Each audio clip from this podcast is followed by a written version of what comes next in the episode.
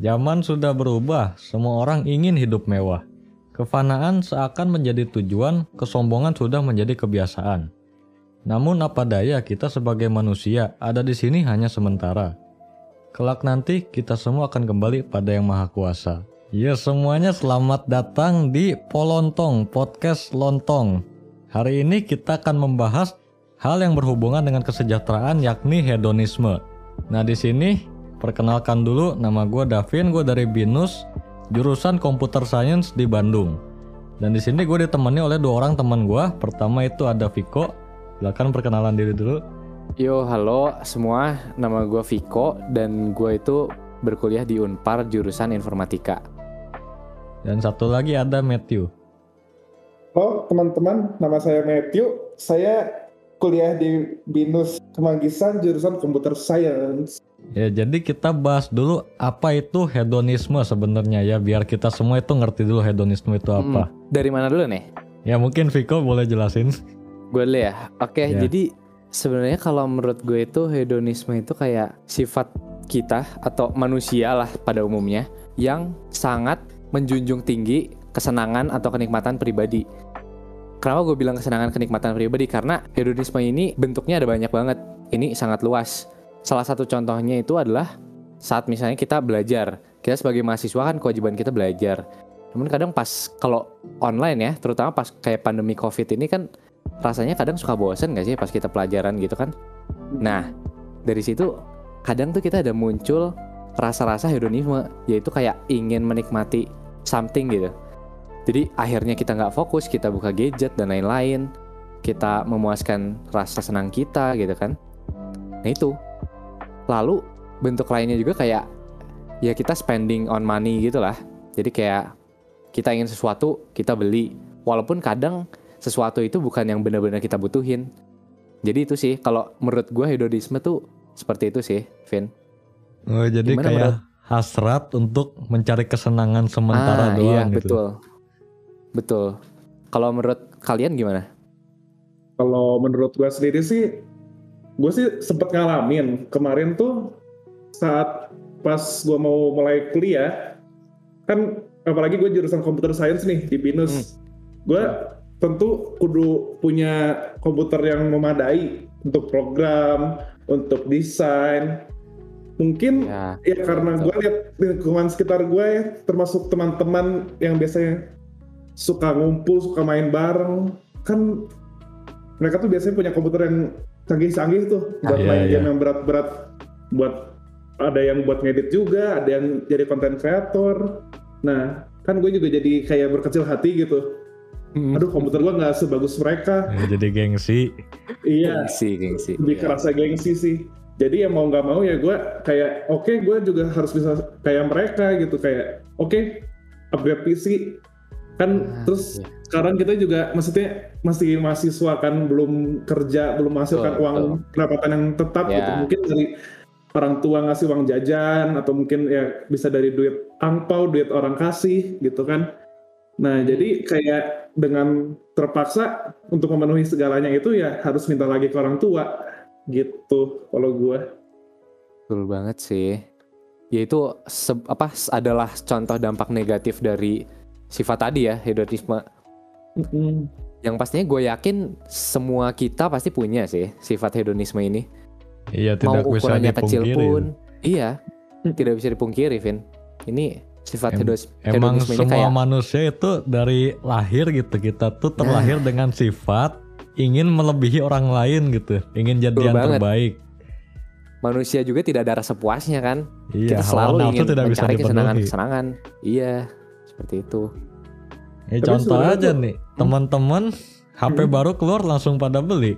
Sementara Nah, iya. kita HP lama yang penting masih jalan aja dipakai terus. Iya itu salah satu contoh yang banyak kita temui di masyarakat sekarang gitu kan. Ya tapi ada fungsinya juga sih kalau HP baru keluar teman beli bisa nyoba kita. Iya. Nggak usah beli bisa dicoba. Satu untuk semua ya. dapat positifnya juga ya. Ya, tapi emang Mas ada positif. kayak yin and yang gitu. Ada positifnya, ada negatifnya dalam Iya semua tentu hal. pasti dalam segala hal itu tentu pasti ada positif dan juga negatif. Tapi gue sebenarnya mau nanya kalian nih, menurut kalian kayak hedonisme ini dampaknya cenderung lebih ke positif atau negatif sih? pendapat lu gimana, Vin? Kalau menurut gue sih lebih ke negatif ya, meskipun positifnya lumayan banyak, tapi negatifnya lebih banyak lagi. Bisa lo jelasin nggak gimana aja sih kayak dampak negatifnya dari kita bersifat hedonisme itu? Ya, yang pertama yang jelas pasti jadi lebih boros nih, apalagi Oke. yang belum punya penghasilan tetap, minta duit ke orang tua, pokoknya jadi beban keluarga aja intinya. Oke. ya di situ terus Iya. juga memunculkan sifat sombong gitu sombongnya tuh sampai ngeselin temen kan ada sombong yang biasa nyombongin ke temen buat senang-senang aja kan tuh Iya, yang normal iya. kan kalau ini sombong tapi sombongnya ngeselin sampai teman-teman ah itu mah dia jauhin aja lah Ngeselin. sombong orangnya Oke. terus sampai Terus, terus. nanti bikin grup lain yang gak ada dianya gitu Wah, wah itu sih parah banget sih. Jadi perundungan ya Jadi ujung-ujungnya. perundungan. Betul banget. Tapi Ya, ya emang- sebenarnya kalau apa ya, kalau kita punya sikap hedonisme, maksudnya kita tunjukkan gitu kepada orang-orang, teman-teman, ada baiknya juga nggak sih? Maksudnya kayak jadi kita secara nggak langsung tuh membuat mereka juga kayak sadar gitu. Hedonisme kan berarti kita salah satunya harus punya barang yang lebih baik gitu. Kayak mis- maksudnya jadi pemikir, jadi pertimbangan lah buat berbagai macam kalangan gitu kayak oh jadi mungkin barang ini memang udah tepat buat gua miliki misalnya gitu nggak sih? Iya, iya itu bisa juga. Maksudnya kalau dalam bentuk hedonisme yang tadi shopping ya, misalnya kita bisa lihat aja teman kita yang misalnya membeli sesuatu barang yang baru keluar atau baru ngetren kayak gitu. Kan kita bisa jadikan pertimbangan buat diri kita sendiri gitu kan. Itu itu hal positif sih untuk dalam hal membeli barang seperti itu sih. positifnya juga ini buat perusahaannya dia jual Hmm. produk jadi laku soalnya orang-orang pada beli Betul banget sih. Apalagi perusahaan zaman sekarang kan kayak menunjukkan produk mereka itu untuk anak-anak muda kan. Di mana anak-anak muda tuh seperti kita ini kayak masih labil dan masih lebih hedon lah. Kayak kita masih apa ya? Kalau semakin bertambah umur itu kan semakin bijak kita dalam memilih sesuatu, semakin sabar pula, mental kita semakin tahan gitu kan. Jika ingin sesuatu kita masih bisa tahan. Tapi berhubung kita masih muda ini memang banyak hal banget ya yang kayak kita selalu mau gitu. Pasti ada aja yang muncul terus. iya apalagi perkembangan teknologi cepet banget baru Nah. berapa bulan udah ada yang Iya. baru lagi Bener Betul juga. banget.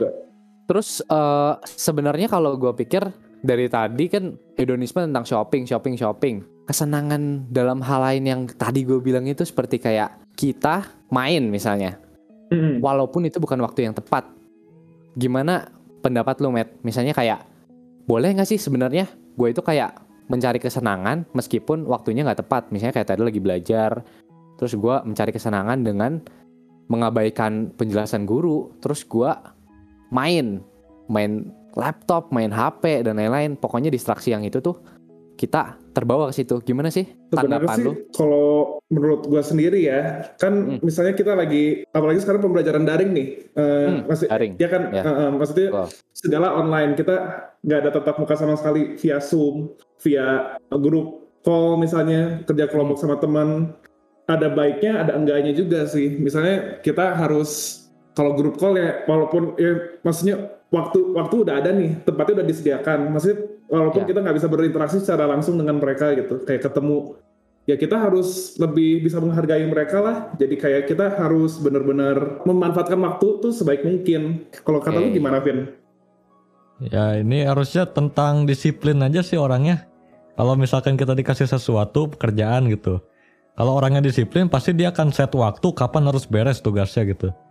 Kalau misalkan tidak disiplin ya dalam waktu yang dikasih gitu dia malah kerjain terus ntar dulu nyantui dulu misal main dulu makan dulu tinggalin terus baru dia lanjut terus lanjut lagi jadi Hmm, lama hmm. beresnya gitu nah sebenarnya untuk Oke. menghindari gitu harusnya orang tuh set waktu di mana dari jam segini sampai segini gue kerja nggak boleh ngakuin apa-apa lagi nah habis Hmm. itu baru dia bebas ngapain pokoknya dia set stop time di mana dia walaupun kerjanya belum beres dia akan stop terus lanjutin nanti gitu nah kalau Oke. gitu kan jadi kita menghindari impuls untuk nyantuy gitu Iya, iya. Mulai belajar itu kali ya tahan ego ya. iya Tahan ego benar. Jadi dari tadi gue dapat kayak kesimpulan berarti hedonisme dalam bidang pembelajaran kita itu eh, cenderung menghabiskan waktu kita ya. Tapi untuk s- refreshing itu oke sekali dua kali itu oke. Tapi sebaiknya kita mempunyai jadwal yang tepat untuk melakukan segala hal dalam kehidupan kita. Kayak misalnya jam 7 sampai 10 gue mau ngapain nih? Gue fokus kerja dulu. Ntar jam 10 sampai jam 11 gue baru bisa boleh asik-asikan gitu kan. Mm-mm. Tadi tips dari Davin bagus juga sih ngatur waktu itu untuk bisa lebih produktif itu gue setuju banget. Iya bahkan kalau bisa waktu buat mainnya juga dijadwal. Hmm, Jadi nggak main di over. jadwal. Jadi kayak kita bikin daftar prioritas gitu ya, harus ngapain dulu, ngapain dulu ya, jadwal ya. Iya, Kayak bener juga ya. jadwal bisa membuat hidup lebih teratur sih. Bener banget sih. Cuma emang bagi kalangan kita sih masih jarang yang terbiasa dengan hidup terjadwal seperti itu ya. Kalau gua Hmm, rasa. betul banget. Hmm, Ya, tapi masih bisa di fleksibel. mahasiswa bener banget. Ini gue belajar dari youtuber nih, ada youtuber dari Inggris Iya. namanya Clicks Philip nih. Oke. Nah dia kan youtuber nih pasti kerjanya bikin konten dia. Hmm. Nah tapi dia jadwalnya unik nih. Dia bangun pagi-pagi. Nah dia main game dulu. Dia senang-senangin diri. Habis itu baru dia kerja. Dia Oh. bikin video. Dan gitu saat dia transisi dari main ke kerja dia seneng gitu. Jadi kerjanya juga Oke. cepet. Oh jadi dia menggunakan sistem yang kayak awal bangun dia mau ngebus mental dia dulu ya, ngebus mood dia dulu ya. Iya main Jadi dulu. pas kerja dia bisa produktivitasnya meningkat berapa kali lipat. Wah itu pinter banget sih Iya dia. bahkan dia bilang bangun paginya lebih seneng gak perlu pakai alarm langsung bangun karena pengen main. Wah gila ya.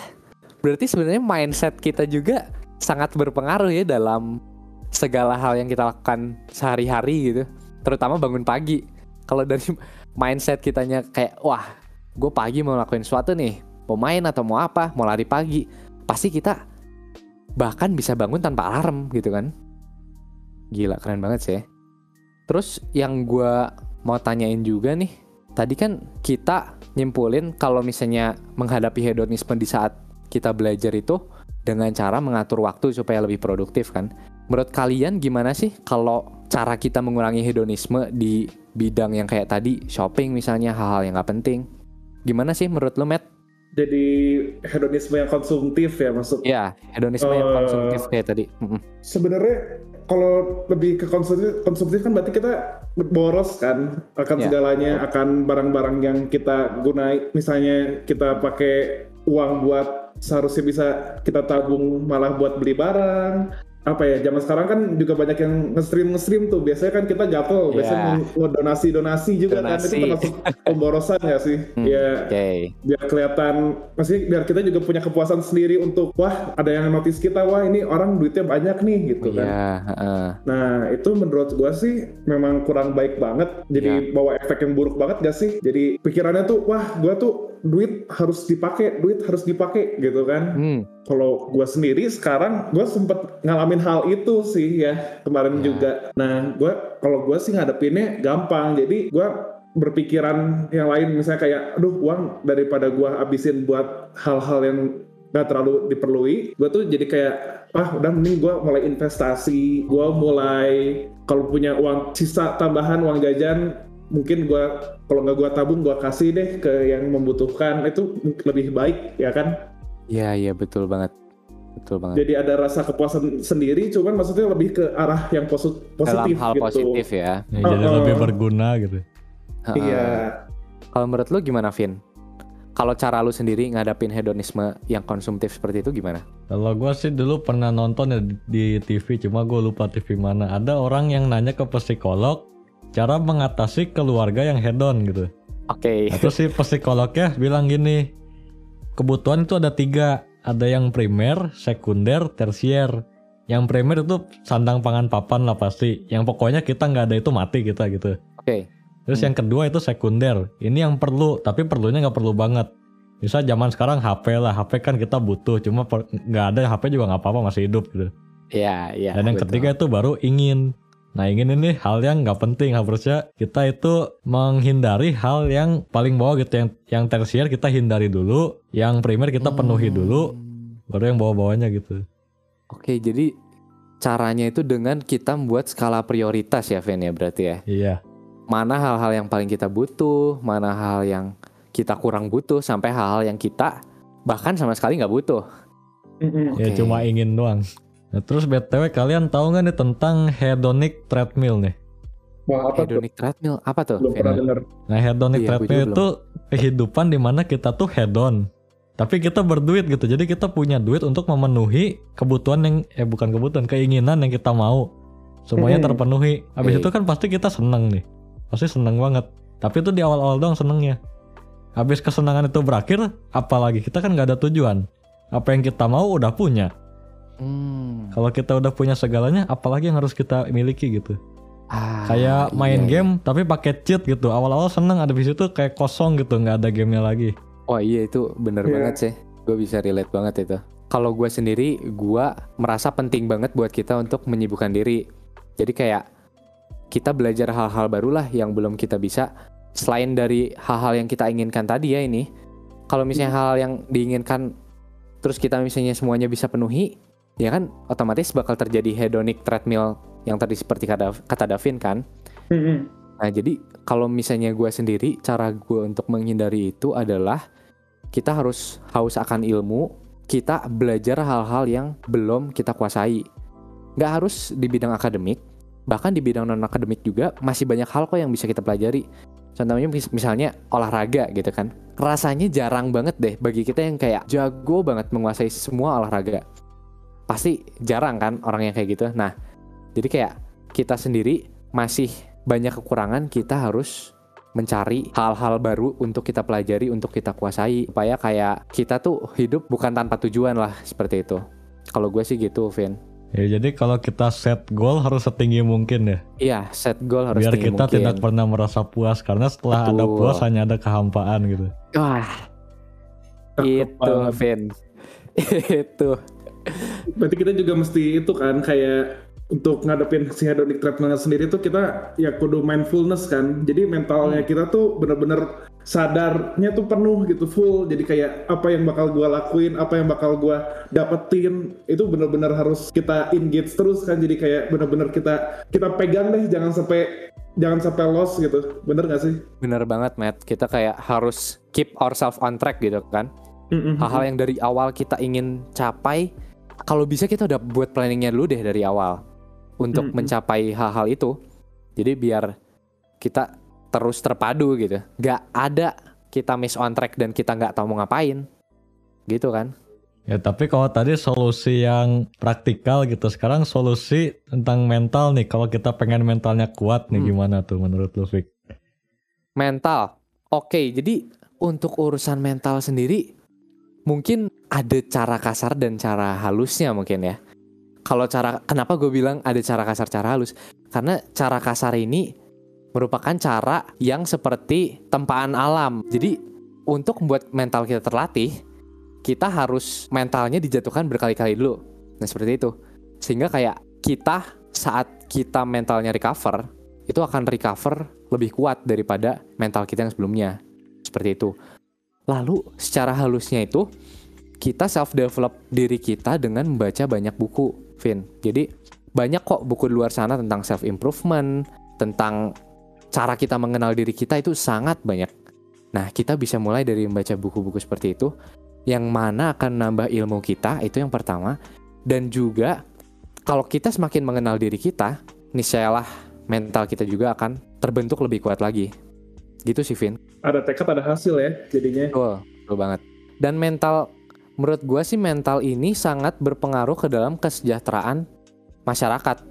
Karena jika masyarakat mempunyai mental yang baik, maka harusnya gua rasa nggak akan ada tuh kayak di lingkungan kita yang komentar-komentar negatif dan lain-lain.